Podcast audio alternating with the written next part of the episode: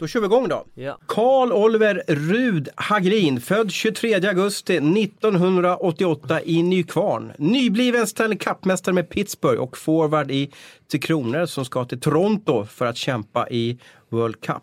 Välkommen till det här madrasserade poddrummet här på Aftonbladet. Jo, men tack så mycket. Du, innan vi startar, jag vill ju inte bli osams med dig så här på direkten för då får vi ju en jobbig timma eh, framför oss. Är det Karl eller Kalle? För jag vet att det finns en del spelare i Tre Kronor som är lite känsliga för det här. Jag är inte känslig när det kommer till det, men eh, genom åren så har det varit Karl. Eh, sen kan man säga senaste åren sen jag kom in i NHL, då är det många som kallar mig Hags, även mina svenska vänner. Men mamma och pappa, där har alltid varit eh, Karl. Vad säger Sidney Crosby, lagkamraten? Han brukar säga Hag eller Hags. Och sen har vi Malkin, han brukar säga Han brukar kalla mig för Sweden bara. Sweden, Eh, men då kanske Hörnqvist eller Oskar ropar till då eller? Ja precis, han kallar oss alla för Sweden så det är bra. Goddag och välkomna till ett sammandrag av nattens match i Canada Cup. Vilka mål! Sundin går in framför, men där kan vi inte mål! Mats Sundin gör 1-0 för Sverige! Bakom muren, gör mål köksvägen! Peter Forsberg gör ett drömmål! Peter Forsberg gör ett drömmål!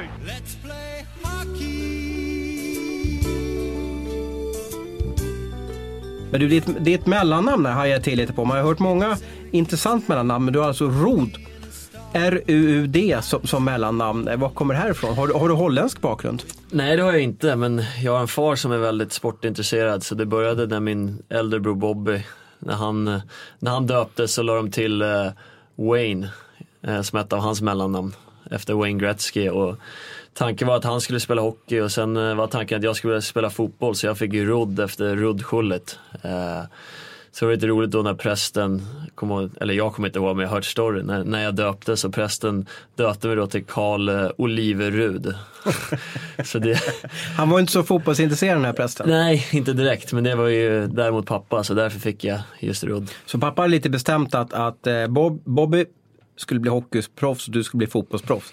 Det var bestämt tidigt. Ja, inte bestämt, det är ju aldrig att man har fått eh, massa press på sig därifrån, men han tyckte det var en rolig grej. Han hade väl några familje, familjenamn som andra namn och sen försökte han få in ett roligt namn också. Men pappa är ju viktig för dig. Vi, kan återkomma till det lite senare. Han har ju eh, en viktig roll i att du blev eh, vald att åka över sen till, på college. Du, du har precis fyllt 28 år. Eh, vad har du fått för presenter? Ja, det var inte allt för många presenter. Däremot tre dagar innan så fick jag, fick jag ha bucklan. Och det, man kan väl säga att den, den tog över lite över min födelsedag. Eh, då lyckades jag ha massa nära och kära över på fest. Vi var väl en hundra, hundra personer där eh, och det var väl den bästa presenten jag kunde få.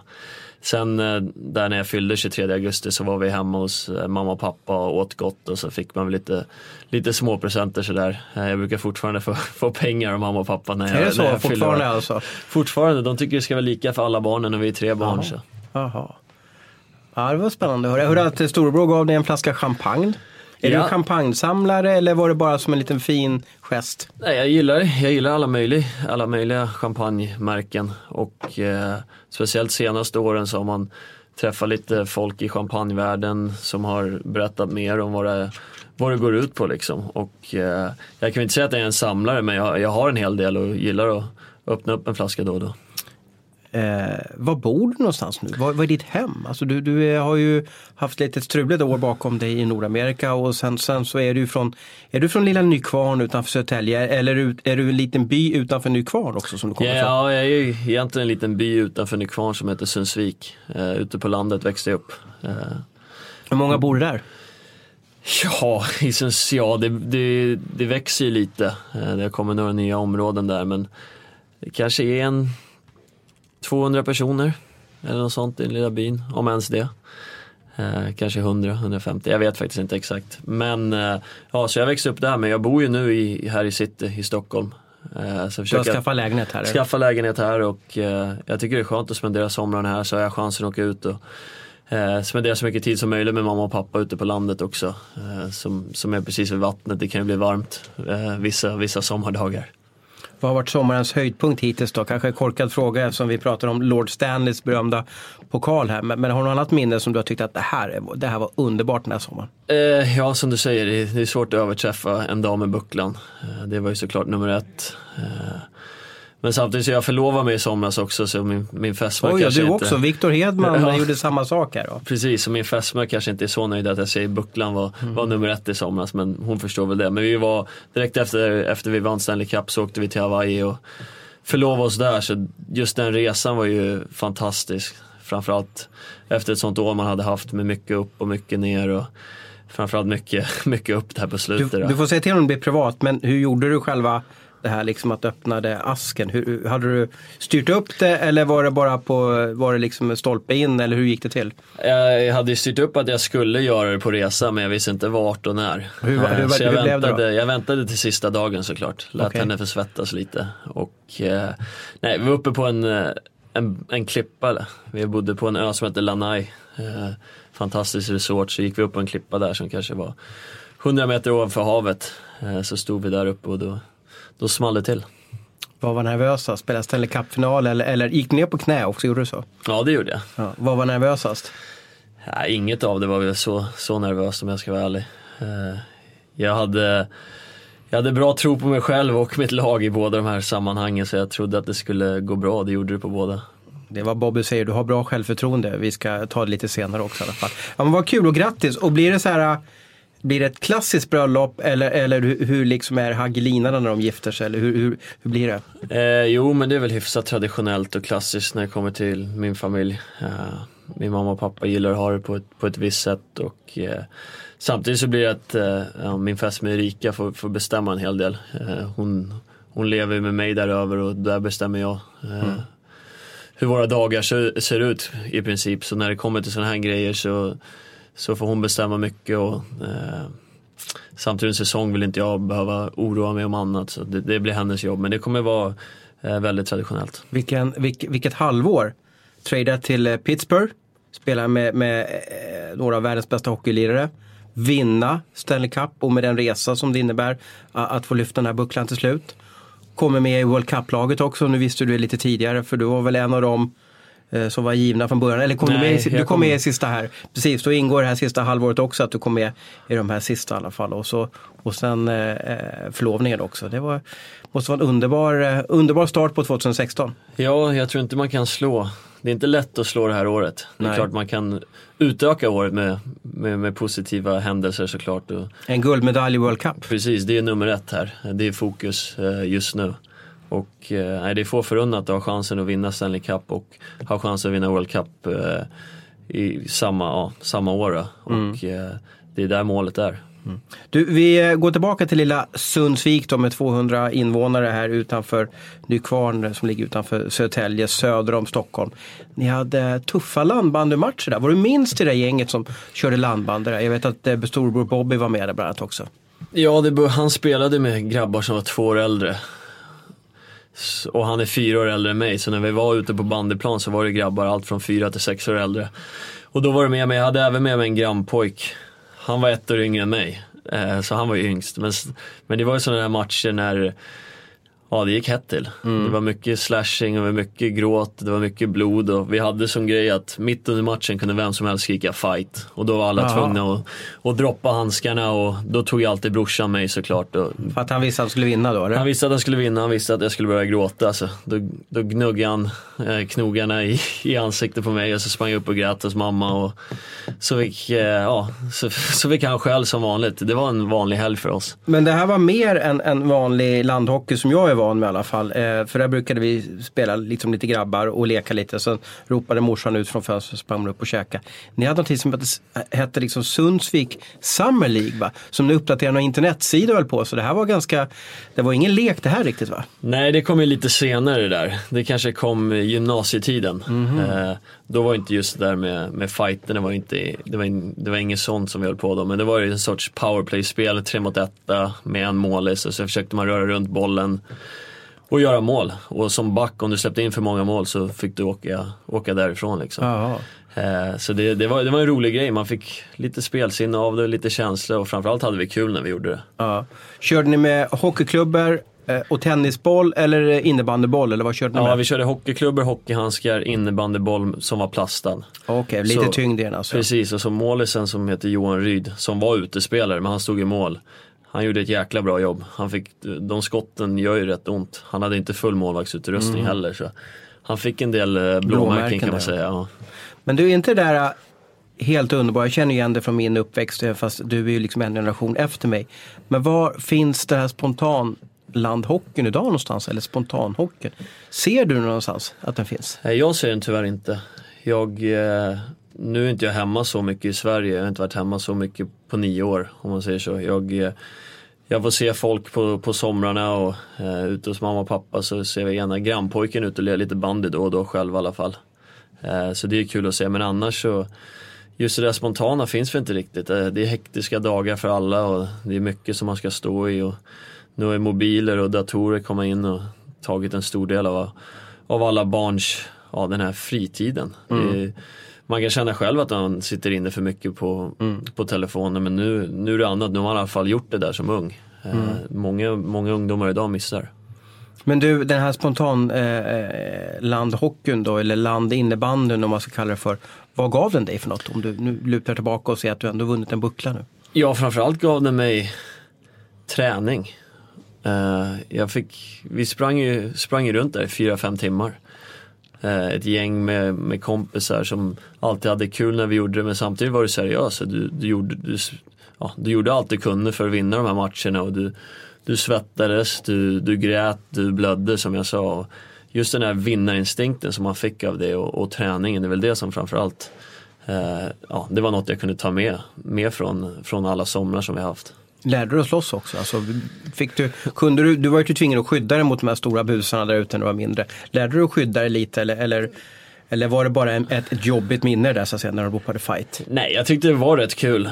Eh, jag älskade att få vara med de äldre grabbarna. Eh, sen ibland blev det att jag bara sprang därifrån. Så det, det hjälpte mig nog lite med snabbheten när de här stora grabbarna försökte jaga mig. Eh, så fick man spurta därifrån och jag, jag var väl lite kaxigare på den tiden också så jag, jag var rätt stöddig mot de äldre även fast jag visste att jag skulle få stryk. Var du snabb? Du har ju blivit duktig på att åka skridskor idag. Var du snabb även på typ 60-50 meter? Nej, det kom nog kanske när jag var 18 år. När jag växte lite och eh, vi kanske skulle prata om det senare, jag vet inte, men att jag var en late bloomer och eh, då växte jag på mig i 17-18 års åldern. Okej, det Precis. kom då alltså Ja, efter innan- draften typ där. Ja, runt draften efter draften. Innan dess så var jag, jag hade rätt dåligt steg och rätt dåligt tryck i grejerna. Men jag körde Du, du hade inte så mycket muskler om jag förstått rätt när du var yngre va? Nej, precis. På lagbilder och klassfoton, var du minst i klassen? Var det en sån klassiker? Eh, jag var en av de kortaste, det var jag. Ja. Eh, rätt smal. Ja. Och det är ju många som känner igen sig att man, man, är, man är minst där, man, är, man älskar idrotten då. Vilket råd kan du ge till dem, de pojkarna och, och flickorna? Nej, för, för jag kan bara säga från, ja, från vad jag själv kände och vad jag själv tyckte på den tiden så var det att eh, så länge jag gör allting jag kan och så länge jag älskar sporten så, så kan du lyckas. Du vet att tränar du tillräckligt hårt så kommer du bli stark, då kommer du bli snabb. Eh, sen vet man inte hur långt det räcker.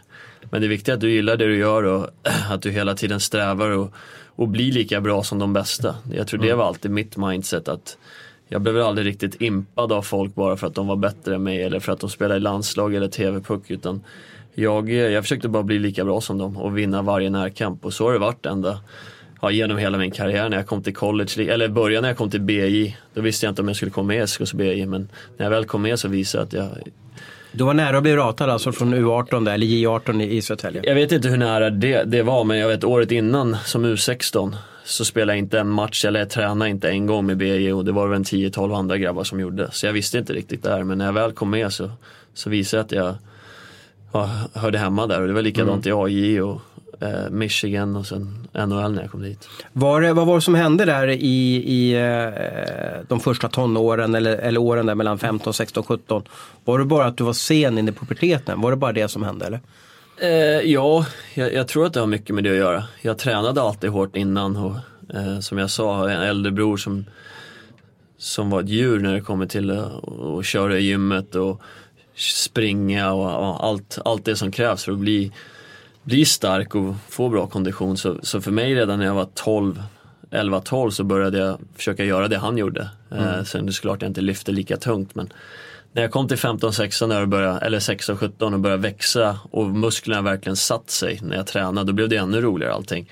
Då märkte man hur man utvecklades och att ja, det gick rätt fort att, forma en kropp som, som man var nöjd med. En bra resa i alla fall. Det är som du sa, man kallar det för late bloomer. Vad är det för något alltså? Och vad är fördelen med att vara en late bloomer?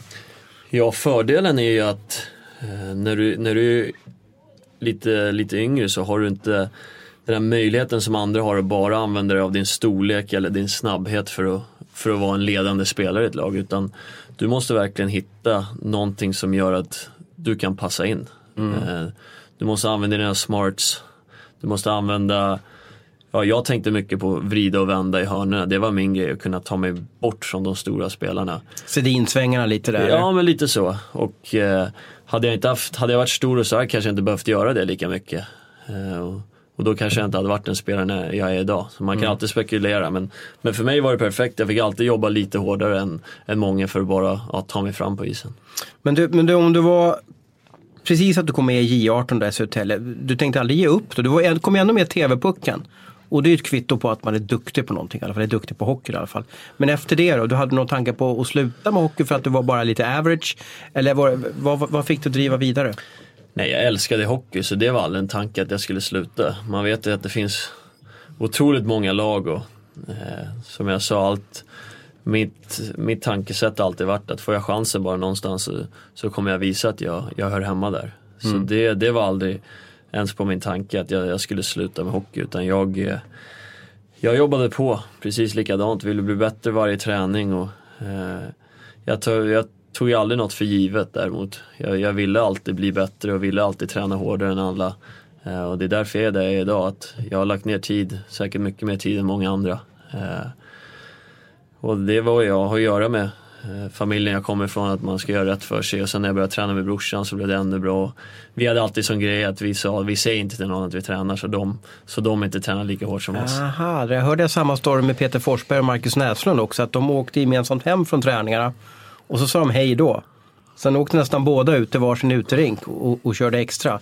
Men du och Bobby var lite samma sak också, att ni, ni, skulle, ni skulle träna mest alltså. Ja, jag, eller jag följde bara efter det han sa. Och han hade väl säkert hört det då. Okej. Av Näslund och, och Man pratar om Forsberg. 10 000 timmar för att bli duktig på hockey. Hur många timmar tror du du har lagt ner? Ja, det är väl någonstans där om inte mer. Eh, sen är det inte bara hockeyspecifika grejer jag har gjort. Jag spelar, eh, spelar fotboll rätt länge och hållit på med simning och bara som du säger med eh, med att spela landhockey med grabbarna, var ute och springa med grannarna. Jag hade, jag hade flyt som växte upp på landet, det fanns inte så mycket annat att göra än att hålla på med olika sporter. Och ibland kunde vi vara fyra, fem polare som bara drog ut och sprang om vi inte hade något för oss. Simning, vad, vad gav dig den sporten dig för något?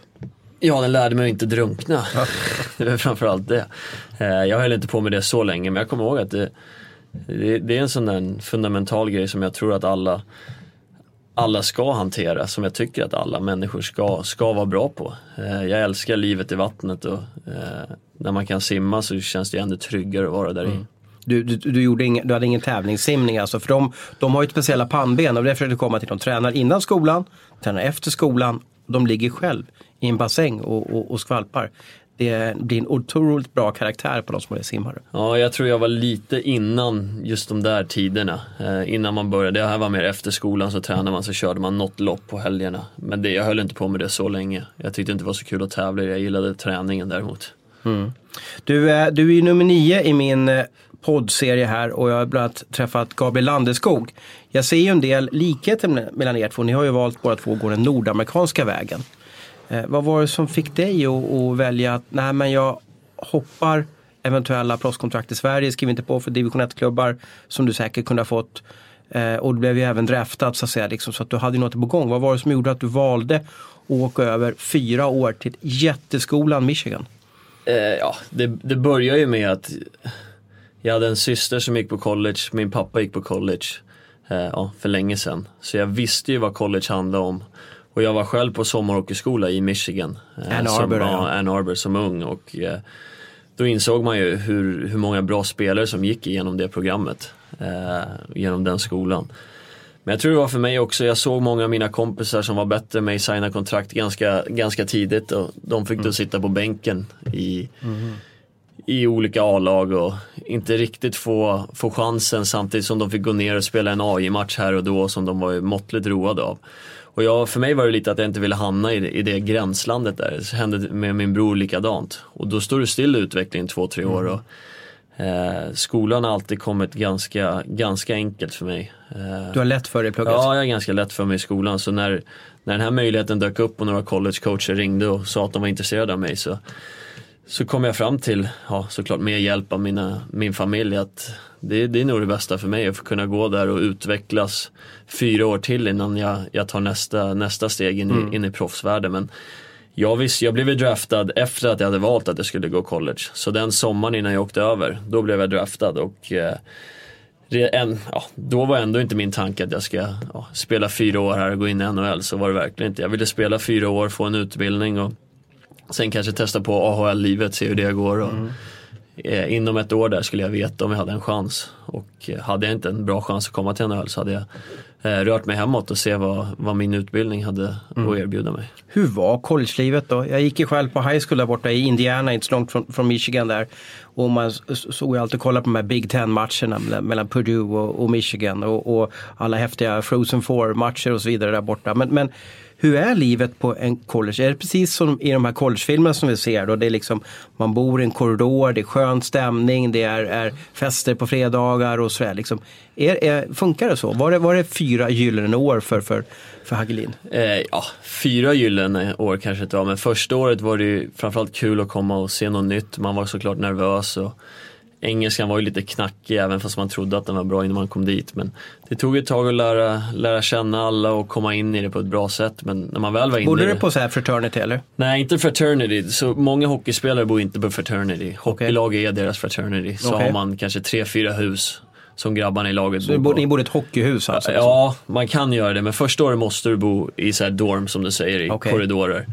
Eh, sen de andra, år två, tre och fyra så bodde jag och min bästa kompis här, vi bodde i en lägenhet. Okej. Eh, sen var det många andra, vi lät de andra ha de stora husen så att Okej. de fick vakna upp varje söndag morgon med, Med alla fester ja. precis, med öl, Ja, ja. alla mattor täckta i öl och Men eh, var ni med också på festerna? För det är ju en del av alltså, charmen också. Eller som idrottsman där borta kan man inte det för det funkar inte. Eller? Jo, det är, det är inga problem. Så länge du är 21 så är du med såklart. Och eh, framförallt, du spelar match fredag, lördag, hade ledigt söndag. Så det var ju ofta efter matchen på lördag att man åkte hem till ett av hockeyhusen så då kunde det vara att ingen av spelarna var i huset utan bara människor som visste att här ska det bli fest ikväll. Jaha, jaha, så du kommer dit så är det 100 pers du inte känner till alls Ja. men du, du festar med dem tills Ja, de andra grabbarna kommer. Ja, just det. Var ni lite stjärnor också, ho- hockeygrabbarna där på, på eller var det fotbollsspelarna som var the highest one? Eller? Ja, fotboll och basket var helt klart nummer ett. Okej. Eh, däremot så gick det inte så bra för de två sporterna Okej. när vi var där. Eh, Medan vi hade fyra starka år och då är det klart att du får lite extra,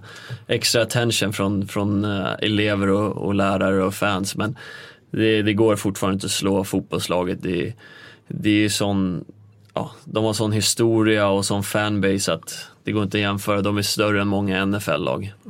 Är det nollning på ett college? Är det så? Alltså första året, hur är det att komma som, som ny på, på en collegeskola? Är det, blir, finns det någon ritual för att man ska komma med in i, i gänget? ja, jag tror både fraternities och eh, hockey, eller sporterna har någon sorts inkilning men eh, det är inget man sitter här och pratar om men det, är- det är helt klart, det är någonting eh, som måste göras och efter det så då är du med i gänget. Det är bara att visa att du klarar av det. Men sen hörde jag att vissa skolor hade gått för långt så att nu, nu vet jag inte ens om de får göra det längre. Men du, jag läste också eh, eh, här att när jag läste på om dig att du kollade på Simpson för att lära dig engelska, stämmer det eller? Innan, nu pratar vi liksom tiden innan du åkte över, men att du liksom när du var yngre att du kollade på serier och, och försökte liksom inte, blev säkert underhållen av, av kanske själva serien men också ta till dig uttryck. Ja, både ja och nej tror jag. Det där är väl någon, någon journalist där över som har förvrängt Man älskar nog den storyn att de kollar på engelska Precis, serier. så. Eh, det var nog, frågan var nog mer hur man lärde sig engelska och då sa jag att jag kollar mycket på serier och Okej. Simpsons var en av dem, kommer jag ihåg, efter man kom hem från skolan, mellan, mellan skolan och träningen, innan man tog en nap där i, på högstadiet. Då var det mycket serier man såg på. Simpson var såklart en av dem. Vilken var din favorit i Simpson? Då? Nej, man, kan ju, man kan ju inte annat än älska Homer, sättet han, han lever och dumma grejerna han säger. Nu har jag inte sett det, sett det på länge men han har många sköna, sköna kommentarer. Mm. Vi kan ju inte sluta prata om Michigan eh, eh, innan vi har gått till den här eh, världsrekordmatchen på Ann Arbor där då. på stora Michigan Stadium. Då. Berätta lite om det här och vilket äventyr det var att få vara med på den. Ja, det var ju mitt sista år då, fjärde året i college, eh, senior year. Jag var kapten med en annan kille i laget så för mig var det extra stort att ja, nu har man stannat här fyra år, man kommer ta examen. Och, så fick vi reda, att vi skulle, reda på att vi skulle spela den här matchen uh, i Michigan Stadium. Där hade man bara varit och kollat fotbollsmatcher men även kört några fystester i trapporna också. Så man hade, man hade Gjorde ni varit där. fystester hela vägen upp? Ja, Hur, eh, hur många trappsteg är det? Kan du det? 74 tror jag det var. 74? Så det är stora sådana också. De är Det är. H1-klass på de trapporna. Ja, precis. nästan värre skulle jag säga. Jaha, 74. Hur lång tid tog det att springa från Vi, botten? först och främst sprang vi upp och ner alla runt och då är det 15 minuter. Okej. Eh, sen kom jag ett år så var jag tvungen att göra 15 sprinter upp. Upp och ner säga- alla gånger alltså? Nej, ja fast du springer upp en gång, sen över och sen springer du ner. Eh, det dröjde 15 minuter, sen var det 15 sprinter efter det och då var det många som så var tvungna att lägga en liten kaka på planen efter. Eh, Men i alla fall tillbaks till matchen där eh, och bara veta att ha den möjligheten sist, sitt sista år, sitt senior year innan man var klar med skolan var ju Ja det var en morot det året och så mötte vi stora rivalen Michigan State och jag hade flugit in, om det var 25 svenskar som var där och hyllade och festade och firade och skulle kolla på matchen. Eh, Så lyckades vi vinna med 5-0 och jag kommer ihåg en av de roliga grejerna var att de sa aldrig att Bobby, min bror, skulle komma. Så satt vi åt där ena kvällen. Så hade de flugit in honom. Så det var en liten surprise. Mitt under middagen knackade han på axeln där. Så då fick man väl lite extra energi för den matchen. Men Men du var stor på den här skolan, var det inte det? Att de, de började med någon Sverigeflagga på läktarna där. Att du blev en liten stjärna här på, på, på universitetet va? Ja, de, de, det är ju så i USA, de gillar ju allt som är lite annorlunda och jag var första europeen i, i Michigan som spelade där. Så, Aha. eh, det betyder väl mycket för fansen. Det var, det var kul att få den uppskattningen. Det var en stor, stor Sverigeflagga som var i studentsektionen. Som allt, matcherna var alltid slutsålda så vi var ju 6000 på varje match. Och, och sen få den där stora Sverigeflaggan när vi, när vi spelade sista hemmamatchen, det var stort. Jaha, får lite rysningar när du berättar Mm. i alla fall. Har du varit tillbaka till skolan, alltså som så här honorary student, man kommer väl tillbaka till, till, till, till collegeskolan ibland och hälsar på. Man brukar väl ofta kanske bli också, jag vet inte, hedersmedlem av någonting också då. Eh, ja, eh, jag har inte blivit hedersmedlem ännu sådär. För det är ju så otroligt många som har gått på den här skolan som har gjort som har gjort bra framfart både i business och i, i sport. Så Får vinna World Cup sen kanske. ja, om ens det räcker, det vet jag inte. Men eh, just hockeymässigt så är det klart man, man, man hör från de gamla coacherna eh, och från själva athletic department som håller i allt vad, vad sport är i, i college. Eh, sen försöker jag, om vi möter Red Wings så försöker jag åka förbi där och kolla på en match som de spelar dagen innan och sen har jag några gamla vänner där. Eh, några familjevänner också, pappas kusiner bor i, bor i området precis bredvid. Så eh, man, man dyker upp där lite då och då. Vad var det som startade allting att du valde college? Var det att pappa drog över dig och Bobbe på den här skridskoskolan när ni var 10-11 år? Var det då du kände att det här vill jag göra? Nej, jag Då hade jag inte den känslan. Då Okej. var det mer bara där och spela hockey eh, och ha skoj. Jag tror det var mer när jag fick samtalen, när jag började spela bättre när jag var 16-17 där, fick samtalen från collegecoacherna och sa att ja, vi är intresserade av dig och det här, jag visste ju fortfarande det, exakt vad, vad college betydde. Eh, men sen fick man höra mer och eh, vad coachen hade att säga och sen vad pappa hade att säga. Då, då blev det då blev det rätt klart att det, här kändes rätt för mig. Hit vill jag. Michigan, det året jag spelade, mitt första år var ju 13 draftade spelare. Så då visste man att man ha- hade hamnat rätt och eh, framförallt utbildningen man kan få där också är ju någonting som är, är få förunnat. Eh, en av världens topp ja, 20 bästa universitet. Så. Vad är du utbildad som? Vad, vad kan du jobba som i, idag om du skulle säga till Rickard Grönborg, nej jag hoppar World Cup, jag, jag vill bara jobba. Vilken titel skulle du kunna få då ute i, i ja, Stockholms näringsliv? Ja, eh, jag, jag gjorde fyra år av business där så det är väl eh, civilekonom i princip. Eh, så, så någonstans inom något nå finansbolag kanske eller jag tycker fastigheter är väldigt intressant så jag skulle nog mer satsa, satsa någonstans inom fastighetsbranschen. Sen är det klart så får man se vad som dyker upp. Eh, man måste göra någonting som man tycker är riktigt kul. När man väl lägger av med hockeyn så tror jag att att du ska hitta någonting som passar in. Du gillar det när det är eh, tävlingsinriktat, du gillar när det händer mycket saker men samtidigt kanske du inte vill jobba allt för mycket när du har lagt ner så mycket tid på hockey. Men jag har träffat tillräckligt med bra folk genom åren så det ska inte vara något problem att hitta, hitta jobb på, på något ställe man vill jobba när man är klar med hockeyn. Du säger fastighet, är det lite där monopolgrejen då? Att köpa och sälja fastigheter? Är det det som du går igång lite på? Ja, en blandning av det. Du kan även eh, Ja, med, med mark kan du bygga upp lite grejer. Eh, köpa mark och bygga stora bostadsrätter eller bygga, ja, bara sälja tomter och sånt där. Så det finns ju många olika delar inom fastighetsbranschen som är, som är intressanta. Sen får man ju se vad, vad det företaget man jobbar för, vad de har för idéer. Och framtidsvisioner. Har du haft något vanligt jobb någon gång? Eh, din storbror berättade att du när du gick på college att du jobbade på baseballmatcher och drog över någon presenning. Ja, Så är det, är det typ det enda jobbet du har haft? Nej, jag alltså? jobbade på Scania idrottsskola som ledare Okej. i två, tre somrar där. Eh, under tiden man spelade i ja, B-juniorerna och i A-juniorerna. Men under college är det som regel att NCAA som är ja, de som styr och ställer när det kommer till sport. Att du måste ha minst 12 personer redo på varje basket och tennismatch. Ifall det skulle regna så måste du dra ut pressändningen. Eh, Hur, hur roligt var det då att stå och vänta? Nu, kanske, det- nu var det ju bra underhållning som vi fick se för som idrottsavdelningen där på Michigan är ju eh, av världsklass då. Men, men eh, det är lite intressant att man nyttjar andra idrottsmän och kvinnor till liksom att att hjälpa till. Så. Ja, det var ett enkelt sätt för oss att tjäna pengar. Jag tror vi tjänade Vad fick du för det då? 12 dollar i timmen och så Aha. var du på klockan kanske 10-12 timmar om dagen. Men sen visste du att var en 0% chans för regn. Aha. Så det var inte att du satt och kollade upp mot himlen hela tiden utan du låg där och tog en nap, du spelade lite Ja, spelade frisbee, spelade lite fotboll. Mm. Så det var ju mycket saker som hände under tiden att du jobbade då. Ja men det, låter, det var ju roligt extra knäck i alla fall som du aldrig igen kommer få chansen till att göra. Nej, jag tror inte det tyvärr. Du, eh, det hände ju mycket under de här åren. Eh, college och, och precis innan dess så blev du ju draftad. Och kan du inte berätta om, draftkvällen? För, för du var ju inte alls förberedd på att det skulle bli så här. Nej, det var ju, jag tror, det var ju nära midsommar där, om det var dagen efter midsommar till och med. Jag tror draftdagen kan ha varit på midsommar, så var det här dagen efter midsommarafton och eh, Ja, det året hade, det hade gått bra i AI. Eh, jag hade fått spela I Södertälje, Ja, ja. i Södertälje precis. Och jag hade spelat min första landslagsturnering, juniorlandslagsturnering. Eh, men samtidigt, jag hade pratat med ett lag bara angående draften. Vilket det lag var det? Da- Dallas var det som jag hade kört en lunch med. Eh, när man bara berättar lite om sig själv och hur man ser sig själv som spelare. Och det var inte så mycket mer med det. Var det en svensk scout du pratade med? Nej, det eller? var en finsk scout, Okej. har jag för mig. Ja. Eh, sen, sen efter det tänkte jag inte så mycket mer på det. Och första dagen gick och jag blev inte draftad då och sen gick andra dagen. Det var inte så att jag satt och hade koll. Men... Du satt inte framför datorn och bara tryckte reload liksom, Nej, nej? Utan... verkligen inte. Jag, jag trodde inte jag skulle bli draftad. Det här var året efter jag var draft eligible. Så, Ja, jag.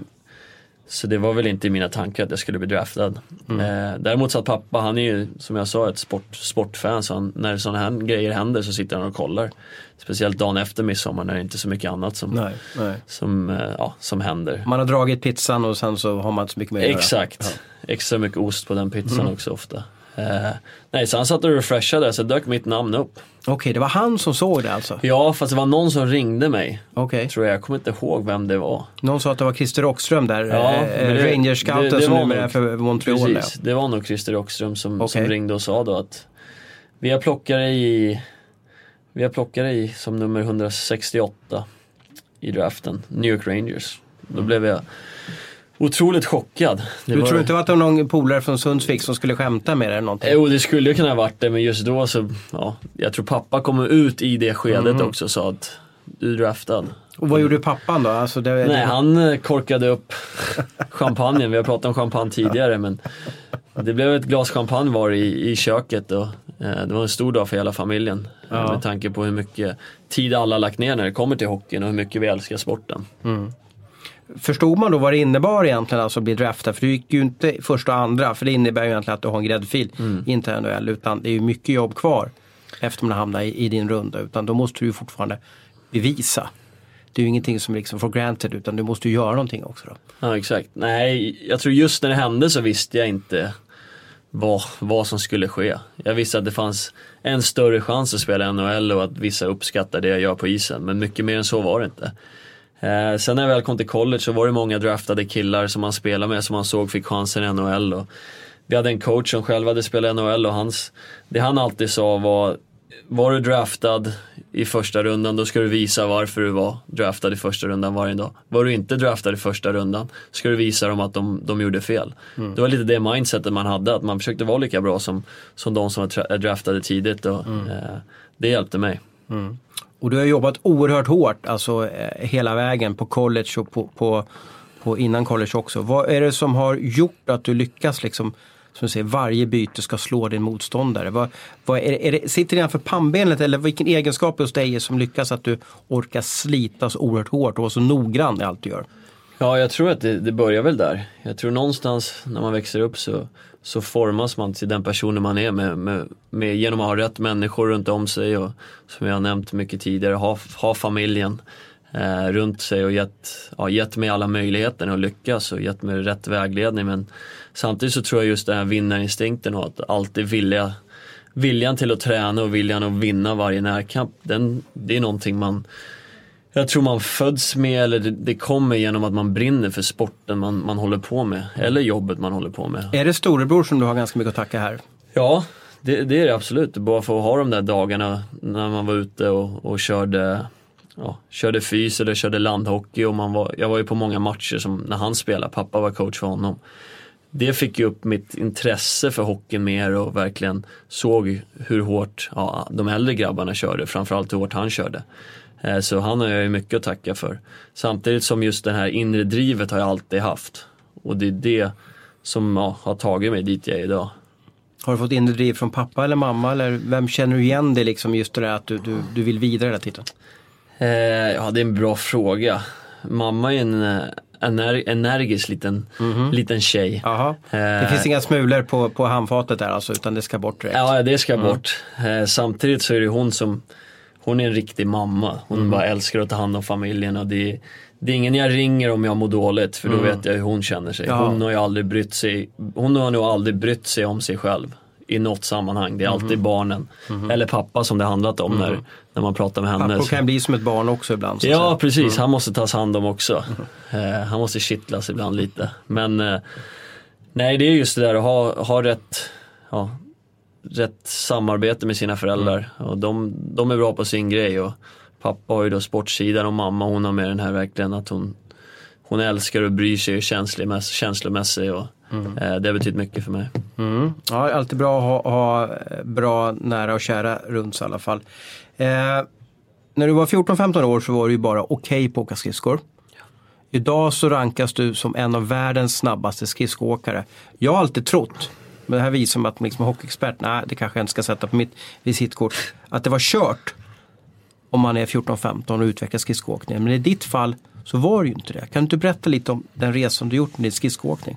Ja, när jag tänker tillbaka till när jag var liten som du sa, då var jag nog okej skridskoåkare. Jag rörde på benen bra, jag hade rätt bra frekvens men jag hade inga, inga bra isättningar och jag kom inte framåt riktigt som jag ville. Mitt överstegsåkning har alltid varit, ja, vad ska man säga, den övre halvan då i varje lag. Men just framåt så, så var det okej, men mina isättningar var lite för, för dåliga. Men jag tror det handlade mycket om att jag var lite för svag i, i benen. Jag hade en sorts åkning där du behöver starka ben och stark, eh, stark bål. Så när jag växte och fick på mig musklerna, det var då jag fick den här utvecklingen i åkningen som jag behövde. Eh, en sorts, ja, inte bara att jag hade bra frekvens utan även att jag kunde växla ur det här och få fart på allting och hela tiden öka min snabbhet. Det kändes som innan så hade jag en växel och det var den här snabba, snabba fötterna men nu känns det som att jag har bättre glid och eh, får mer tryck i allt jag gör. Men hur, hur blev du bättre skridskoåkare? Var det bara att kroppens anatomi, att du blev bättre och starkare? Var det bara så eller har du tränat dig till det på något sätt? Jag har ju aldrig tränat med en skridskocoach sådär för att bli bättre skridskoåkare. I år är väl första gången jag har testat det. Jag tycker det är kul att göra lite grejer på sommaren bara. Eh, så jag kört lite med lite skridskocoachar. Men på den tiden så var det bara att jag körde alltid hårt. Jag gillade att köra starter och starter efter träningar. Eh, så jag- Alltså idioten typ. Ja alltså. precis, blå linje, blå linje och sådana där smågrejer och vrida och vända i hörnen. Eh, Det var väl just sådana grejer som jag tror gav mig den här frekvensen som, som jag använder mig mycket av nu. Och, Eh, sen att jag alltid körde 100% varje övning. Jag, gillade, jag hade så dåligt glid så jag var tvungen att röra på skridskorna för att ta mig framåt. Och det har blivit, det är en del av mig nu att jag alltid rör på benen. Och därför är det lättare att skapa, skapa chanser och hjälpa till defensivt. Ja. Vilka tips kan du ge om, om man är 14 år och känner att det går tungt med skridskoåkningen? Hur, vad, vad kan man göra för att liksom bli bättre? Nej, Jag, tror det börjar med, med som jag sa, att försöka varje övning att du försöker röra på benen hela tiden. Sen om du ramlar, det är, det är sånt som ska hända. Eh, Jag ramlade otroligt mycket faktiskt innan jag fick byggde på mig. Eh, Och sen när du väl får musklerna då kommer du kunna ja, komma ur vändningar och komma i, få ut mer av din skridskoåkning i alla olika moment. Så jag tror just det där att hela tiden vilja ha högsta möjliga fart i alla övningarna. Cool fact a crocodile can't stick out its tongue. Also, you can get health insurance for a month or just under a year in some states. United Healthcare short term insurance plans, underwritten by Golden Rule Insurance Company, offer flexible, budget friendly coverage for you. Learn more at uh1.com. För då när du väl kommer till matchen då blir saker och ting lite lättare. Mm. Har du jobbat mycket med skridskoslipning sådär eller? Eh, nej, inte jag, men jag kommer när jag började i BI så är det SSK A-lag, så nu deras material är Lasse Bergström. Han började slipa mina skridskor då och han gör det fortfarande. Så inför varje säsong så får han slipa upp 20 skenor med en viss radie som han kör med. Och, Vad, vad är bra med dem? Vad är han ju bra då? Eller är det bara så här gammal trygghet man får? Ja, det är nog en blandning av trygghet men även så kände jag när han gjorde det att jag fick ut lite mer av mitt skär. Det kändes som att jag kunde ha skridskon i isen lite längre och få, få med tån, tåpushen på slutet. Den fick jag inte riktigt innan. Så där gjorde han någonting bra som funkar för mig och nu, nu känner jag ingen anledning att, att sluta använda honom. Han är en otroligt bra person. Vi, Alla som har haft honom älskar honom som både Slipar person han för hand eller har han en så här liksom han, nej, det, det här är en, en, en sorts dator, radioslip som han använder. Men han slipar ju för hand förr i tiden såklart. Eh, när jag behövde vanlig slipning. Men just det han gör nu är bara med mina skenor så, så kör han en radioslip. Bra att du nämner honom för att få han lite tack också i alla fall. För det finns ju otroligt många eldsjälar ute som, som aldrig får så mycket tillbaka. Precis. Du, eh, en meter för mig sitter alltså en nybliven vinnare av Stanley Cup. Kan inte du ta mig igenom den resan som du gjorde den här säsongen? Från, från Anaheim, lite tufft, till Pittsburgh och sen, ja, kör Karl. Ja, det började ju redan där vid draften 2000, vad blir det? 15. Eh, på morgonen där hade jag varit på is och eh, jag såg min, min naprapat, han höll på med och, och gav mig en massage kommer när han frågade hur, men nu har det gått en dag av draften, vad, vad är chansen att du skulle bli tradad nu innan? För jag hade inte skrivit något kontrakt ännu med, med New York men de hade ju mina rättigheter och det var, det var på väg att skrivas. Då sa jag, "Ja, men det är väl en procents chans att jag blir, blir tradad nu. Så går det 5-6 timmar via lite vänner och bekanta över på, på en förfest innan vi ska på 30-årsskiva. Och så jäkla varmt i lägenheten så jag går in och tar en dusch och sen kommer jag ut och ser att jag har en 20 missade samtal. Och så ringer igen, då är det agenten. Som säger, nej, då blir vi tradad nu till Anaheim. De kommer att höra av sig här och eh, ja, gå igenom lite grejer. Och det är, lite, det är en chock. Helt klart. Jag kommer ut i lägenheter och Och då blev du tradad från New York till till Anaheim, Anaheim. då, för alla som inte har Precis, stenkoll på din. New York, från New York till Anaheim. Eh, kommer jag ut där i, i lägenheten och alla sitter och festar och jag bara säger, jag garvar lite säger Mm. de. Jag kommer inte ihåg exakt vad som hände med alla som var där. Säger att jag kom ut och skrattade och bara sa, jag blivit tradad till Anaheim. Men skrattar du på grund av uh, att det- du trodde aldrig skulle ske eller skrattar du av lycka för att du kom till, ja jag vet inte hur du såg på det. Nej, det var mer att jag var chockad tror jag. Aha. Och då vet man ju inte riktigt vad man gör. Att, Nej. Men samtidigt så, jag såg ju stor potential i Anaheim. De hade precis åkt ut mot, mot Chicago. Det var väl antingen de eller Chicago som skulle vinna Stanley Cup. Så. så det kändes ändå bra på något sätt. Samtidigt vill du aldrig lämna ett ställe du gillar. Men eh, att jag hamnade i ett så pass bra lag, eh, det kändes ju bra. Eh, och sen är jag en sån person som inte, jag har aldrig grubblat. Jag har bara eh, gått dit, dit tiden har fört mig. Jag, jag orkar inte hålla på tänka negativt i situationer. Jag, jag försöker vara positiv och energisk och här såg jag otroliga möjligheter. Så då, då var det bara att åka över till New York och packa ur lägenheten där.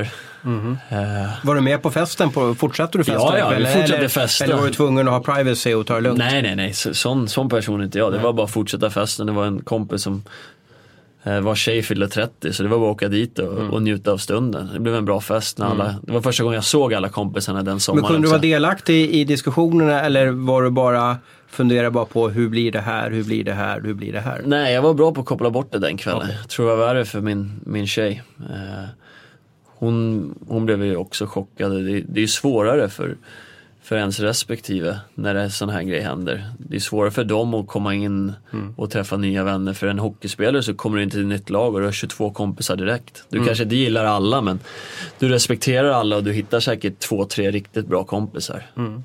Vad, vad hjälper NHL och spelarfacket till med när man blir tradad? Hur funkar det? Nu var det här off-season för dig, alltså mitt på sommaren, men vad får man för stöd och hjälp? Att liksom få, Ja, spelarfacket hör av sig direkt så är det en lista. Allt det här ska de stå för. vad är det för något? Typ Det, de ska stå för allt vad gäller flytten. Du får lov att flytta två bilar, eller en bil, två om du är gift, förlåt, en bil annars. Så alla grejer du vill flytta från din lägenhet i en stad till ditt nya hus eller din nya lägenhet, det står de för. Jaha, fantastiskt. Ja, så det är ändå bättre än ja, en annan, ett annat scenario Mm. där man kanske måste göra allt själv. Eh, så, så där är det ändå bra. men men bra eh, hade du skaffat bostad i New York och tvungen att avyttra jag, jag det? hyrde bara den. Hyrde, ja. eh, som tur var så var det en, jag hade inte riktigt ett kontrakt. Eller jag hade bara månad till månad kontrakt. Ofta signar du upp för ett till två år i New York. Och det kan kosta lite New York Precis, också. Det är inte så- som i Nykvarn.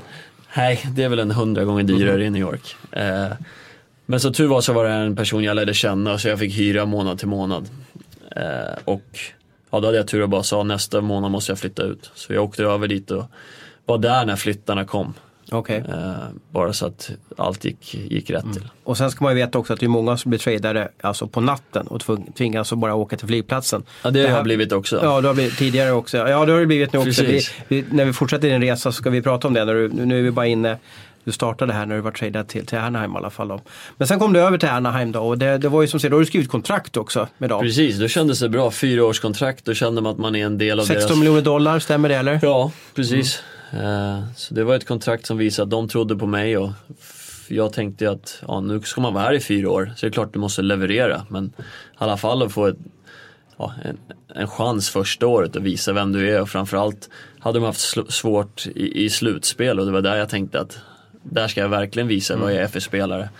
Eh, kom dit, kändes helt okej på campen, hade en liten skada så kunde inte vara med och göra allting men sen när matcherna väl började så så mådde jag bra. Eh, starten blev inte riktigt som jag hade tänkt. Varken för mig eller för laget. Jag spelade dåligt, laget spelade dåligt. Det hände inte så mycket. Varför spelade du dåligt då? Var, var, var det nervositet? Nej, eller? det var För det här är inte. också, jag kan, kan bara gissa att det är så att när man skriver ett stort kontrakt, det här är ditt största kontrakt som Mm. du har skrivit, så blir man nervös och pressad också. För att nu ska man ju, nu är man ju den som ska leverera. Precis. Nej, det var inte det. Det var bara att det kändes fel. Skridskorna kändes inte riktigt som de skulle. Det var, jag hade gjort lite nya, lite förändringar här på sommaren när det kommer till just skridskor och eh, ja, materialgrejer som jag kanske inte borde ha gjort. Eh, Förhoppningen var att bli lite bättre men Ja, men det gick åt andra hållet. Eh, och det blandat med ja, att lagen inte spelar bra, då blir det ju det blir liksom en omvänd effekt att ja, jag spelar dåligt, laget spelar dåligt, allt känns lite sämre då. Och, eh, men sen sista två, tre veckorna när jag började känna mig som den spelaren jag var, då gick jag tillbaks till mina gamla skridskor, samma size och tillbaks till mina rätta skenor. Det är små Okej. grejer som, ja, det, det låter som bortförklaringar sådär, det, det, var ing, det är inget sånt. Men det bara kände, jag fick lite mer trygghet i mig själv och i mitt spel. Och då släppte det, då började jag spela bra. Så kommer jag, jag, hade, jag tror jag hade poäng där i tre, fyra matcher i rad och nu börjar jag känna mig hemma. Jag hade köpt ett hus, bott i hus i en månad så allt hade precis var någonstans då i Los Angeles? Med de Eh, här bi- Newport, Newport Beach. Okej, Newport, Ja, en av de här ja, strandstäderna där som är så fina i Los Angeles. Precis, där. ja det är underbar, underbart ställe att leva. Eh, Men i alla fall så började allt kännas bra. Huset hade precis blivit ja, fullt inrätt. Och då, Var det sambon där? eh, ja som- precis, Erika hade fixat allt och vi kände oss bra. Det, det, det var liksom en nystart i livet och vi trivdes. Det var mycket svenskar där med Silverberg, Rakell och Lindholm. Och, eh, allt började gå, ja, gå som vi hade tänkt. Och så, fick, så hade jag pappa där med sin kompis som var över och hälsade på. Satt vi åt middag så fick jag ett samtal. Och jag svarade inte men så lämnade de ett meddelande då. Ring upp det här numret. Eh, så ringde jag upp och då då var det just det här att, nej förlåt, det var ett voicemail. Så lyssnade jag på det och då Det är inte var ofta det, man lämnar voicemail idag så Nej säga. precis, det var ett voicemail och då, då var det våran GM som sa hej eh, Bob Murray här, eh, ring upp mig.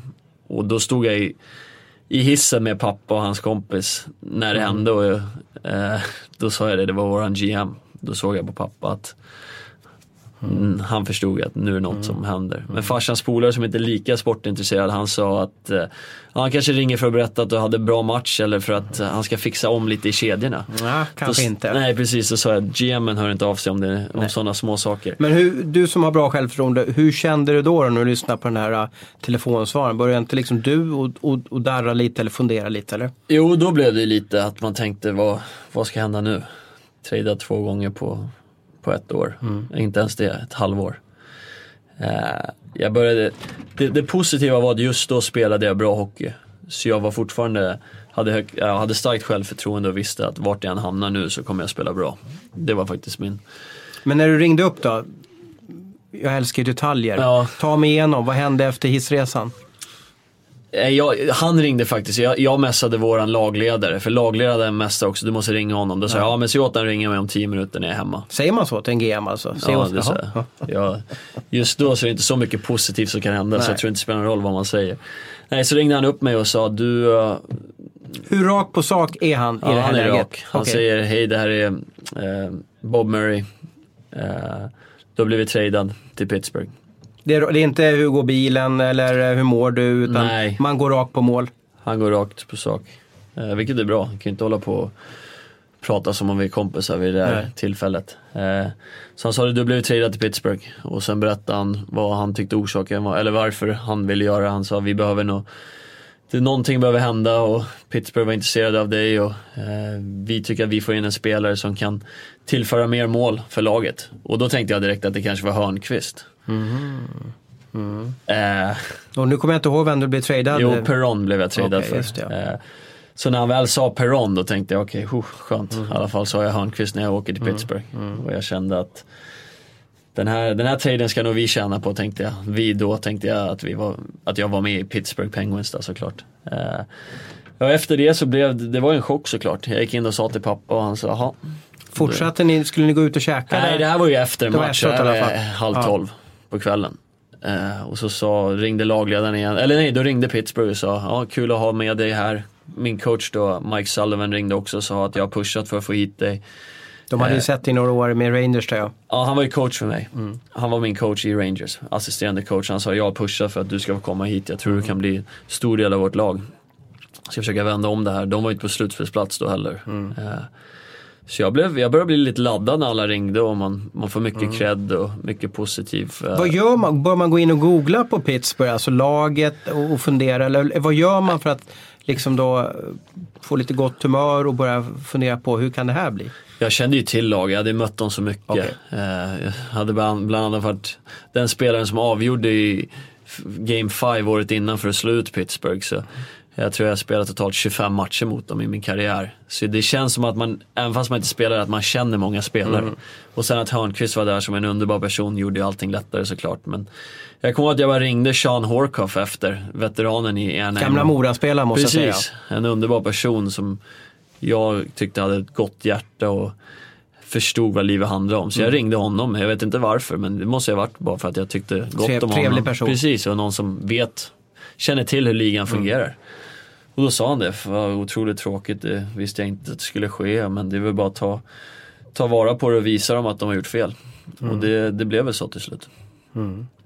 Och eh, till Pittsburgh, du bodde ju alltså i New York först. Mm. Fantastisk stad, kanske en av världens häftigaste st- städer. Och så över till Kalifornien. Eh, och Pittsburgh är en av de ställen som jag har varit mest i, i, i, i min roll som, som journalist. Jag vet inte hur många arbetsresor jag har haft där och jag hängde en hel vecka vet jag bara för att få en intervju med Mario Lemieux en gång i tiden. Liksom. Så jag vet inte hur många gånger jag åkt den här tunneln från flygplatsen in mot, mot centrum och så vidare. Men det är ingen rolig stad. Alltså, det är därför det kommer till. New York fantastiskt, Kalifornien fantastiskt och så blir man tradad till Pittsburgh. Tänker man det att hmm, hur ska frugan trivas här? Eller. Ja, ja, det tänker man. Framförallt tänker hon det. Mm. Jag kan säga, hon började gråta precis när traden blev av. Och, Får hon nya huset och allting, drömmar ja, framförallt som du säger, hon har bott i New York och hon har bott i Newport Beach och sen får åka till Shittsburg som vissa kallar det. Med Iron Town där liksom, Precis, ketchupstaden. Steel Town. Eh, det var väl inte högt på hennes lista. Eh, men samtidigt så blev vi positivt överraskade.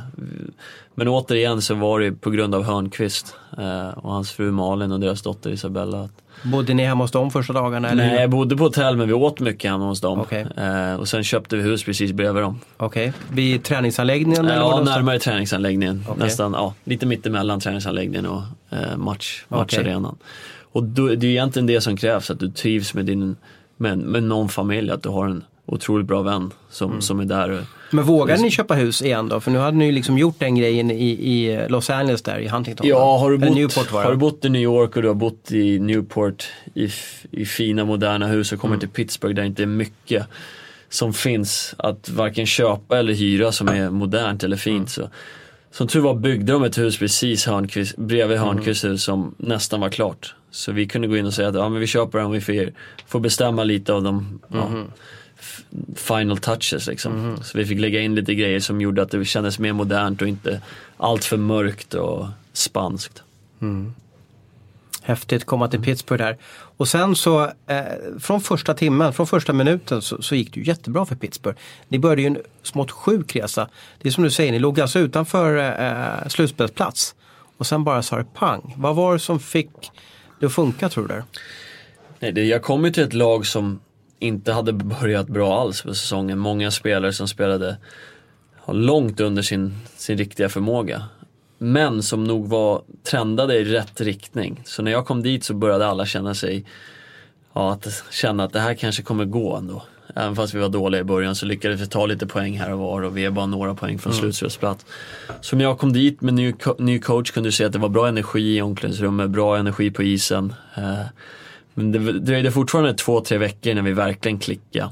Eh, mina första matcher var det varannan bra, varannan dålig. Vi kunde släppa till fem, sex frilägen i en match. Och det, det går inte att vinna så. Hamnar du direkt med den här eh, speciella kedjan nu som du säkert kommer komma tillbaka till med, med Bonini och, och Kessel där? eller? Nej, så, så den var ju ihopkomponerad senare. Det var ju jag, Malkin och Kessel direkt. Okej. Och det funkar ju otroligt bra att få spela med två. Skapliga lirare ja. Precis, få, få chansen att spela med dem och vi gjorde lite mål där direkt första fem matcherna.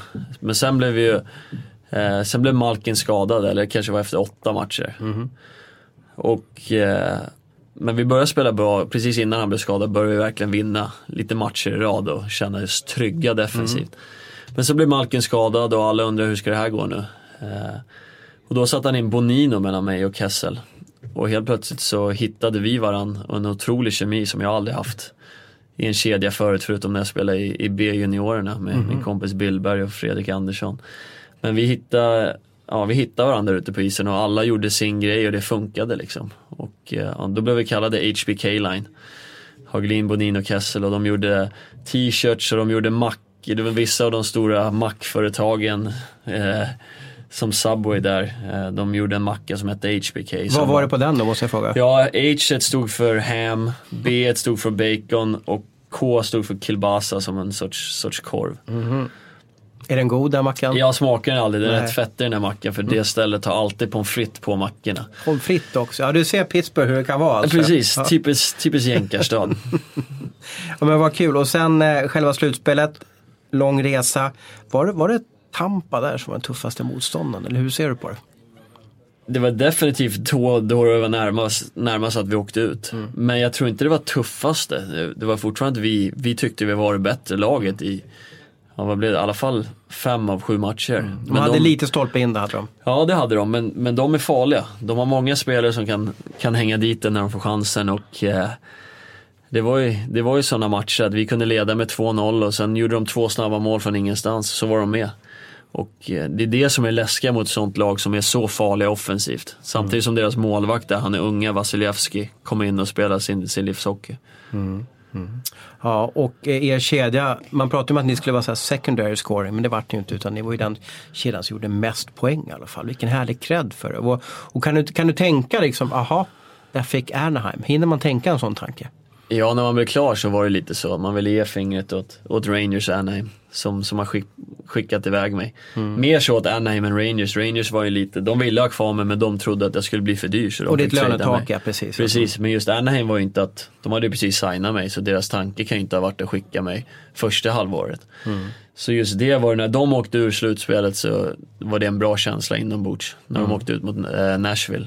Så då var det bara att fortsätta gnugga och sen när man vann allt så, så var det helt klart att den känslan mot Anaheim och, Rangers gjorde att allting blev så mycket bättre. Du har alltså vunnit Lord Stanleys pokal, den finaste pokalen som finns i, ja vi säger hockeyvärlden, jag säger inte idrottsvärlden utan vi får hålla oss med, med hockeyvärlden i alla fall. Då. Och om du fick tacka en person för att du har vunnit den här pokalen, vem, vem skulle det bli? Nej, det är jag är ingen person som, som kan sitta här och bara tacka en, en person för, för framgångarna jag haft. Utan det är, det är så otroligt många, många personer, organisationer, fystränare, coacher och ja, främst familjen då. Eh, så tacka en person vore fel. Det, jag vet att det, det krävs mycket kärlek från alla möjliga folk och mycket kunskap som man tagit in från folk genom åren och sen spelare man har spelat med. Eh, Organisationerna också. Allt sånt har ju, har ju lett mig till den här dagen och, och gjort det möjligt för mig att få, få ta del av, eh, som du sa, eh, den största pokalen inom hockey. Men enligt mig den största och mest eh, ja, mäktigaste bucklan som finns att vinna i någon sport. Det som gör det häftigt med, med pokalen det är att det är en oerhört lång säsong. Alltså det är 82 grundseriematcher plus slutspel. Eh, Baseball har ju kanske fler matcher men annars är det ju det är en enorm kraft som behövs för att gå hela vägen i alla fall. Och, och för två veckor sedan så, så fick du ju ha pokalen. Eh, du fick, får man ha den under ett dygn? Är det så? Ja, jag var och hämtade den klockan nio på Arlanda. Sen tog eh, de som, ja, vakterna då, de som vaktar bucklan, tog hem den från krogen klockan ett på morgonen. Så inte Och sen var det riktigt 24 Hörnqvist timmar. eh, t- eh, tur att få den. Precis. Och då samlade du eh, massa gamla kompisar. Alltså du, du ville li, lite betala tillbaka till de som hade hjälpt dig. Var det juniorlaget i Södertälje som fick chansen att komma Ja, dit? nej men det är väl, det var, vi var hundra personer hemma hos mamma och pappa. Eh, som vi körde en fest där. Det var ju såklart familjen.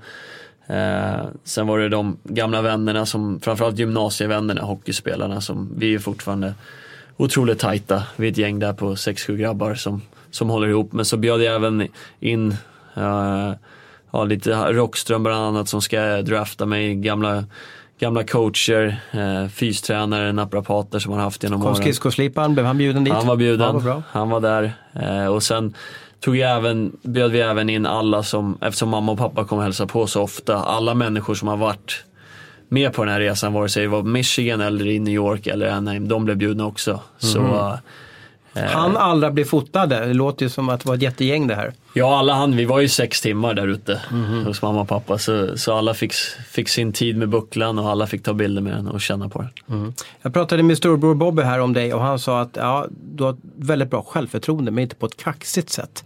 Att du liksom har mycket kunskap i dig och du kan väldigt mycket om saker och ting och därför blir du väldigt stabil när du gör saker och ting. Hur har det skapat privatpersonen Karl Hagelin tror du? Eh, ja, jag, jag tror det började med att jag var yngsta barnen liksom. Jag fick bara hänga på. Jag fick lära mig mycket av, av de äldre och jag har alltid haft stor respekt för ja, framförallt mina äldre syskon men eh, äldre folk också och försökt lära sig så mycket som möjligt, få in så mycket kunskap. Och, eh, då blir det ju så att man, man får en sorts eller trygghet i sig själv, att man, man kan vara den man är och man behöver inte bry sig så mycket vad andra tycker och tänker. Eller, framförallt så försöker jag väl aldrig vara som någon annan eller eh, inte, jag blir inte impad av folk bara för att de gör någonting coolt eller för att de är bra på någonting utan jag kan försöka lära mig av dem helt klart. Men jag blir inte så här. Du är inte, lyhörd, låter det som, Ja, alltså. ly, lyhörd. Men jag, jag blir inte, jag tycker inte wow för att någon är jätteframgångsrik i något. Det är väl där, där det började, att jag alltid tyckte att jo men så bra kan jag också bli. Vad gör privatpersonen eh, Karl Hagelin när han är ledig? Vad, vad är han intresserad av och engagerad i? Eh, Ja, under året så försöker man väl sova så mycket som möjligt.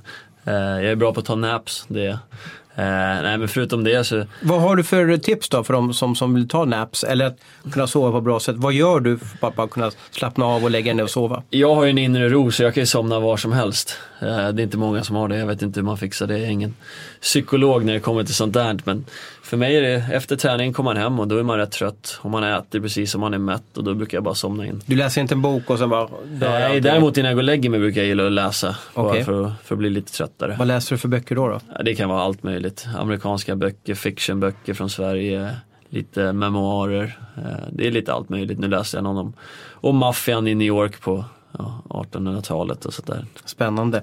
Samlar du på någonting? Eh, Förutom champagne så ja, precis. Nej, jag samlar inte på någonting. Det försöker jag få så mycket medaljer som möjligt antar jag. Tar du hand om dem på ett värdigt sätt då? Det vill säga liksom, eh, har du, nu har du inte fått den ringen, jag har förstått att ringen, Stanley Cup-ringen ska du få när ni åker till, till Vita huset här i, i höst. Men, men har du, mamma och pappa, har de fixat ett pokal eller medaljrum för dig och Bobby? Jag har ju mitt gamla barndomsrummet, där har jag mycket av medaljerna i och pokalerna och även collegeutmärkelserna man fick. Men sen är det väl mer att i framtiden man väl har ett hus här i Sverige att man kan göra ett litet Ja, ett, ett, lite, en liten mancave när man har lite olika tröjor upphängda. Och Vad har du olika- i mancaven för något då? I framtiden? Ja. Ja. det kommer väl vara en bar med bra, bra whisky och bra champagne och sen en stor, stor tv och sköna soffor så man kan sitta där med, med grabbarna och köta lite. Vad, vad kollar man på på tv den här mancaven? Är, är du liksom så här idrottsnörd så att det bara liksom hockeys kommer vevas eller vad, vad, vad gillar du att glo på? Nej, jag älskar ju filmer. Det är väl en grej, skulle jag vilja säga, under åren. Att jag försöker kolla på serier och jag älskar att, att gå på bio. När jag försöker koppla bort hockeyn så gillar jag att gå på bio, ta lite popcorn och eh, ja, sit, sitta där och verkligen kolla på en, tim- eh, en film i två timmar. Och Men är det klassiskt Jason Bourne- Jason Bourne-filmer eller har du någon kategori som du går igång på? det kan vara allting faktiskt. Jag gillar att testa lite allt möjligt. Försöker alltid se en eller två skräckfilmer per år. Jaha. För att verkligen få lite heartbeat. Usch. Jag var faktiskt på bio igår kan jag säga, då såg jag Jason Bourne och då sa jag efteråt så här, för då var det någon ny skräckfilm som kom ut och sa usch, nej det gillar jag inte i alla fall. Men det, du går igång på sånt. Eller vad är det, är Nej, det, är det- det att, du, att du är så nervös hela tiden så du vet inte vad som ska hända? Är det den kicken som... Nej, det är mer att det är en gammal tradition. Vi gjorde det från att vi var 13. Jaha, några polare. fredag den 13 typ? Ja eller? men exakt, att man, man försökte se en per år och nu fortsätter Ja. vi göra det. Jaha. Ja. Vad, ser ni den på video eller går ni på Nej, video? då är det ofta bio, försöker gå skräckfilm på bio för då är det ändå ja, 200 pers där inne så Ja, man, man känner sig Fast lite det är det som är, man vill ju nästan sitta bara 5-6 stycken i biografsalongen. Det är ju en större Ja, utmaning. då är det ja, Som tur var det inte hänt. Men däremot eftersom mamma, vi såg även ute på, på landet hos mamma och pappa och då kunde det vara riktigt läskigt. Vilken är den värsta skräckfilm du har sett någonsin? Just när jag såg den så var The Ring den äckligaste, men då Okej. var jag ju 12 år. Den har inte jag sett. Vad handlar den om då? Ja, vi behöver inte gå in på det nu, Det, men det, det är en massa mord och sådär gissar jag, eller? Ja, det är väl den här tjejen som, som om du ser, ser på en film som hon är med i, då betyder det att du kommer dö inom sju dagar. Så. Jaha, oj då. Usch. Ja, det låter inte bra. Du, över till något mycket roligare. Jag träffade dig här för att eh, eh, vi ska till Göteborg. Du ska dit och spela hockey och jag ska dit och, och göra intervjuer. Sedan så ska vi över till Toronto på World Cup. Vad har du för känslor om den turneringen? Jag har otroligt bra känslor för den turneringen. Det är, det är bland det mäktigaste man kan vara med om eh, med, med landslaget. Speciellt när du har precis alla de bästa spelarna i världen kommer kunna vara med och spela. Och nu är det otur med lite skador men jag tror även under säsong har du en turnering så är det ännu mer skador. Eh, så de har minimerat just, just den risken och eh, att få spela i Toronto som är hockeyns mecka. Du vet bara att det kommer bli sånt engagemang runt om alla matcher. Du kommer se hur fansen verkligen bryr sig och förstår vad, vad hockey handlar om. Så, så för mig så rankas den i eh, ungefär lika högt som OS. Ja, ungefär lika högt, för det var en liten följdfråga jag hade. Vad tycker du är störst? OS eller World Cup? Ja, OS som, som grej är ju större. Det är ju någonting, du representerar, representerar ett land i, i OS som är världens största sporthändelse. Det är det ju. Eh, Men sen just World Cup när det kommer till hockey så är den ett steg högre upp. Med tanke på kvaliteten på spelarna, kvaliteten på allting runt om. Arrangemanget, Precis, jag, jag satt mig in i det- eh, nyligen här alltså. Allting är ju genomtänkt vad gäller World Cup. Så är de ju bra, amerikanare och kanadensare. Speciellt här eftersom alla älskar hockey vill de att det ska vara top notch från dag ett. Vi, vi får bo på bästa hotellen, vi kommer få bästa servicen och eh, spela i en av de ja, bästa rinkarna som finns i världen. Så, eh, allt det där kommer ju vara helt underbart. Det kommer vara slutsålt varje match. Och, eh, just där slår det i OS. Du, eh, vad säger du om laget då? Vad säger du om den trupp som, som Sverige samlat ihop? Eller Rickard Grönborg och Popovic och, och Garpenlöv samlat ihop? Eh, Jag gillar våra chanser. Jag tycker vi har Eh, framförallt backsidan så är den bästa i World Cup. Mm. Eh, det är med. nog många nämnt förut men det är, det är ett true statement, alla vet det och eh, sen kollar du upp, så på centrarna har vi otroligt mycket rutin och spelskicklighet som eh, Tänker på Sedin, Beckis, Ja, Zäta, Kryger kanske. precis. Du, du nämnde fyra centrar där som alla besitter eh, otroliga kvaliteter när det kommer till att förstå hockeyn och producera, eh, producera framåt och, och vara riktiga lagspelare samtidigt. De är bra defensivt. Och sen har vi ja, Henke i mål då, som är en av världens bästa målisar. Eh, och när han spelar som bäst är det inte lätt att göra mål på honom. Vad ska du ta med dig till bordet? Vad är det du ska tillföra till det här laget? Jag ska försöka spela mitt spel som jag alltid spelar. Det spelar ingen roll vilken, vilken kedja jag spelar i. Jag kommer få döda utvisningar säkert. Eh, Jag ska använda min skridskoåkning för att ja, få upp tempot inom laget, eh, få upp intensiteten. Försöka skapa, skapa mycket chanser genom att och, och riva sönder deras, deras försvar samtidigt som min skridskoåkning är viktig i, i backchecken och eh, eh, viktigt i, i, slutet av matchen om vi ska eh, försöka ja, hålla en ledning. Jag eh, satt och lekte, som man älskar att göra som journalist, och sätta ihop kedjor och backpar. Det är oerhört kul att sitta och göra det. Jag vet inte, gör du också sånt liksom? Ja, Men farsan brukar fråga Farsan, vad, vad han okej. tror att jag Jaha. tror. Okej, eh, så vi har ju såklart en dialog Farsan borde där. bli sportjournalist, det hör jag. Ja, ja, det borde han. Fast jag tycker han, han gillar mest att hålla det till sig själv och Okej, sina nära och ja. kära. Men då satte jag ihop eh, Tre Kronors kedjor och då satte jag dig, Kryger och Hörnqvist i en fjärde kedja. Vad säger du om det? Ja, det är ingen dålig line det. Eh, sen Du vet kommer jag- undan där. Ja, sen vet tufft. inte jag, ja exakt. Jag vet faktiskt inte eh, hur det kommer bli. Eh, Hörnqvist är en, han är lite mer offensiv spelare än mig, mig och Kryger. Mm. Eh, så han, han kanske lirar lite högre upp i, i, i kedjorna med lite mer offensiva spelare. Mm. Jag håller med att Hörnqvist, är han, och Silverberg är jag osäker på vem jag ska sätta mellan eh, eller med Landeskog och Söderberg i en tredje kedja. Det är väl där jag funderar lite i alla fall på. Det är väl sådana tankar jag har. Då. Men jag gillar ju Hörnqvist, alltså aggressivitet. Han tacklar ju allt, han smäller på allt. Den fjärde kedjan också, och nu ska man inte kalla det för en fjärde kedja men den kan ju både vara jobbigt mot motståndarens bästa kedja och jag menar både du och, och, och Hörnqvist har ju målsinne.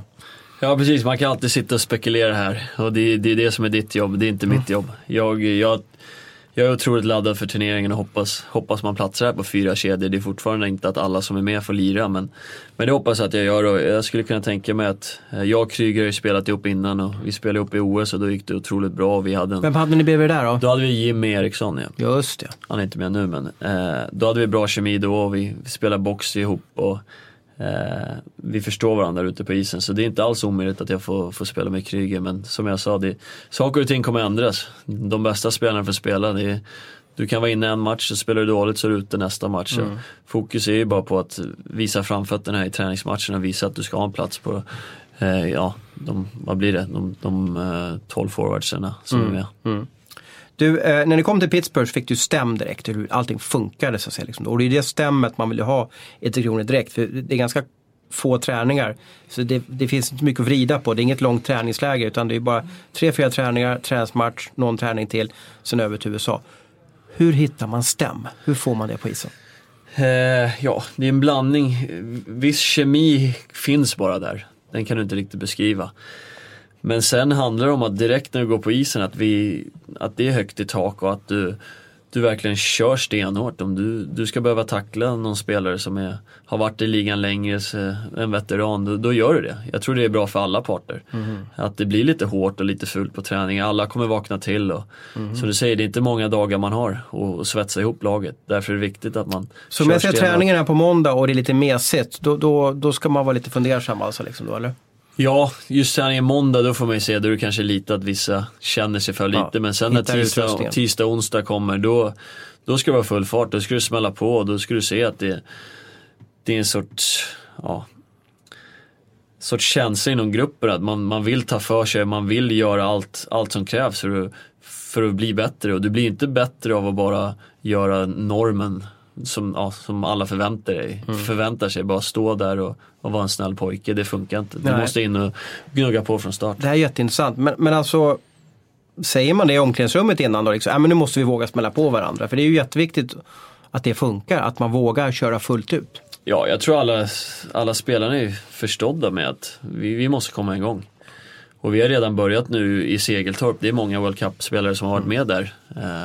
Och kört, vi har ju stockholmare men så även Stålman har varit där och kört lite. Zetterberg såg jag. Zetterberg, Filip Forsberg och nu börjar vi redan. Mm. Sen när vi väl kommer till där då, då höjs ju nivån ännu, ännu Mm. ett steg. Och det är då kommer du märka att det kommer inte finnas så mycket rum där ute så du måste ta för dig för om du ska ha en chans. Du tillhör en generation lite yngre än, än eh, de största forwardstjärnorna. Jag tänker på Sedin och Zetterberg. Har du haft, någon, som, har du haft de som var idol när du var yngre? Eh, när, jag, när jag spelade college på Michigan så såg jag ju många matcher med Detroit såklart eftersom det bara var 25 minuter därifrån. Och, Åkte du dit och kollade live? ja, jag alltså? kollade live, kollade på TV men jag missade inte många matcher. Och då är det klart, det är svårt att inte gilla det Zetterberg gör på isen. Både offensivt och defensivt. Eh, så det är helt klart försökte man plocka upp lite små grejer som han, som han gjorde. Och han har en sån skön känsla till sporten att han han är bra på att täcka puck, han, han ser isen otroligt bra och han hänger dit dem också. Även fast han inte har det hårdaste skottet. Eh, Men det, han gör ju mål för att han vet var han ska vara, han vet Får jag tillräckligt mycket skott på mål så kommer någon gå in. Och, det, det gillade jag med honom jämt när han var i Detroit och hans, hans ledaregenskaper. Du, bra jobbat under ja, 70 minuter är vi uppe i nu. Eh, Jag har ju stressat och pressat dig och det har varit oerhört kul att ha med i det här rummet. Eh, Payback time. Alla som har varit gäster här har ju fått eh, möjlighet att ställa en motfråga, eller en fråga Ja. till mig i alla fall. Du har säkert stört dig på massa journalister att de är korkade och sådär. Men vad vill du veta om mig?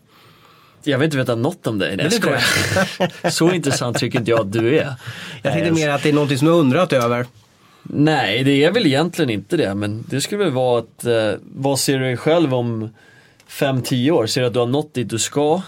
Dit du vill vara? Så eller klassisk ledarfråga på Ja, anställningsintervju. Nej, men jag tycker bara det är intressant att höra. Känner du att det här är din grej att skriva i, skriva i tidningarna som journalist? Eller vill du gräva djupare? Eller vill du in i TV? Sånt tycker jag är lite intressant. Vad folk Mm. Det är en jättebra vidare. fråga, det är en djup fråga eh, och det är inte så hockeyrelaterad fråga heller så det, det uppskattar jag. Om 5-10 år, eh, jag jobbar jättegärna kvar på Aftonbladet.